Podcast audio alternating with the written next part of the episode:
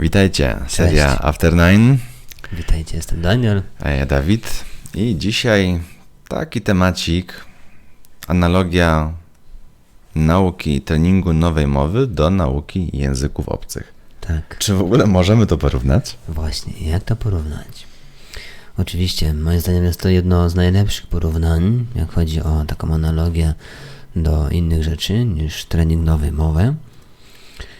Ponieważ mm, jak chodzi o naukę, to jest to bardzo podobne.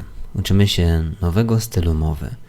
I nie tyle chodzi o słownictwo i tak dalej, bo oczywiście ucząc się nowej mowy, nie uczymy się słówek nowych, mm. prawda, bo polski język znamy, ale uczymy się nowego stylu mowy, czyli na nowo mówić. Właśnie teraz, jak to pojmować? Nowy styl mowy. Tak. Poznając język obcy, to poznajemy nie tylko słowa, ale też melodię, szyk zdania. W innych miejscach jest podmiot, w innych miejscach jest orzeczenie, brzmienie, melodia, różne idiomy, mhm. znaczenia. No i najczęściej ćwiczy się to w szkole, w takich warunkach laboratoryjnych, symulacyjnych, a najmniej ćwiczy się w praktyce. No i są takie kursy, na przykład rozmowy z native speakerami, mm -hmm. czyli z osobami, które na przykład urodziły się w danym kraju, czy dla nich naturalnym językiem jest ten język obcy, ale są też kursy na przykład za granicą. Mhm. Ostatnio bardzo popularne. Wyjeżdża się specjalnie do Londynu, ćwicząc angielski, do Madrytu, mhm. hiszpański do Berlina, niemiecki. No i jest ten aspekt sytuacyjny, dlatego że coraz więcej nauczycieli języka obcego zdaje sobie sprawę, że ludziom chodzi o to, żeby używać tego języka, żeby nie bać się tego języka, mm. a nie tylko mieć go w głowie i później bać się użyć, na przykład będąc w hotelu, mm. zapytać o restaurację, o ręczniki, o mm. basen, o na przykład jakieś sytuacje awaryjne. No i człowiek podczas takiej nauki no, poznaje ten język, mając oczywiście dobrze wykształcony swój język, ten naturalny w naszym języku polskim. Dokładnie. I tak jeszcze odnośnie tego tematu, to znam osoby nawet, które mają problem użyć języka angielskiego za granicą i znam nawet taką opinię osoby mi bliskiej, która zna angielski, ale mówi, że po prostu boi się go użyć. Mhm. I jak jej tłumaczę ogólnie, e, na czym polega SBS, to już o tym wiem, prawda? Y, to, to ona mówi, że właściwie się czuje tak, jakby miała taką blokadę, że podchodzi do lady w sklepie czy w hotelu do recepcji i już chce zacząć, ale nie może. Mhm. Jakby ma to słowo w głowie już, dokładnie cały zwrot, frazę, którą chce przekazać po angielsku i nie może. Po prostu ma takie, ta, takie lęk, że może to będzie źle, że może coś źle skonstruuje zdanie gramatycznie, y, złego słowa użyje, źle to wypowie. Tak zbudowała taki lęk, że po prostu boi się i, i czasem woli się wycofać. Lęk przed pomyłką mhm. często paraliżuje. Mimo, że ta osoba nie ma problemu z mową w języku polskim na co dzień. Na co dzień, tak. Mówi super płynnie, mhm. bloków oczywiście i żadnych objawów ESBS. To, to próbując się przełączyć na angielski, powstają właściwie blokady w mowie. Tak. I to jest e, jedna z przyczyn powstawania napięć, właśnie strach. Mhm strach przed pomyłką, przed oceną. No i skąd on się bierze? No też z tego, że no nie ma wzorców mózgu zapamiętanych z sukcesem w tym języku. Dokładnie. Bo cały czas było to uczone na podstawie regułek, zdań, rozmówek mhm. w klasie, więc tam to wszystko działa i tam można się przekonać, że jest ok.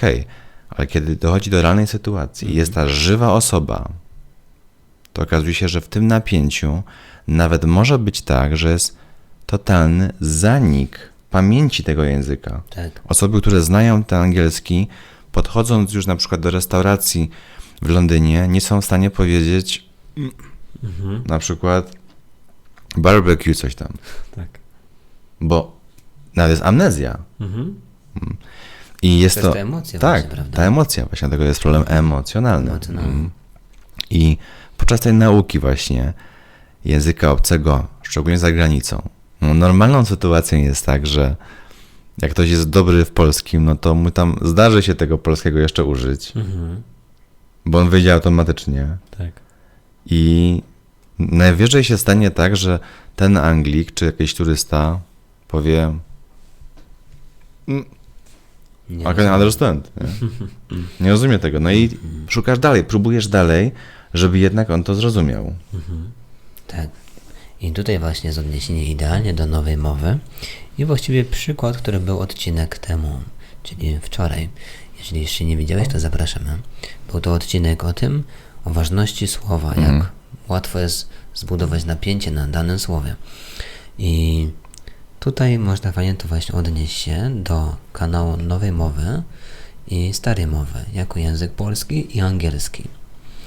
Na przykład mm, wyjeżdżamy do Anglii, czy do jakiegoś miasta, gdzie właśnie jest, gdzie używa się języka angielskiego i, uczy, i umiemy już tego języka angielskiego. Ten język angielski. I używamy go i nawet jak nam się zdarzy użyć jakieś słówko po polsku, bo po prostu, nie wiem, ym, na przykład nie będziemy pamiętali tego słowa po angielsku, czy po prostu się przejęzyczymy. To w takim razie dzieje się tragedia? Myślę, że nie, prawda? Po prostu ta osoba, która nas słucha, nie zrozumie tego słowa akurat, Mhm. jak polskiego nie zna. Po prostu. I my oczywiście się zorientujemy i już ten kolejny raz, ta kolejna próba, mm, no, będzie poprawiona o to jedno słowo nawet, czy ten cały zwrot. Tak. Ja pamiętam, y, jeśli chodzi o słowa i wymowę tych słów, to na przykład y, pani w szkole nas uczyła, jeśli chodzi o słowo thank you, czy te thank you, Tak. żeby właśnie język wkładać pomiędzy zęby, thank you. I tak nas ostrzegała, że no to będzie wielki błąd, jak nie zrobimy, zrobimy tylko thank you. Bo musi być thank you z językiem. I to powodowało u wielu osób w klasie taki stres, że dobrze to zrobią, albo czy nie za mocno tego języka nawożą i wyjdzie w coś innego, jakieś dziwne dźwięki, to będzie śmieszne.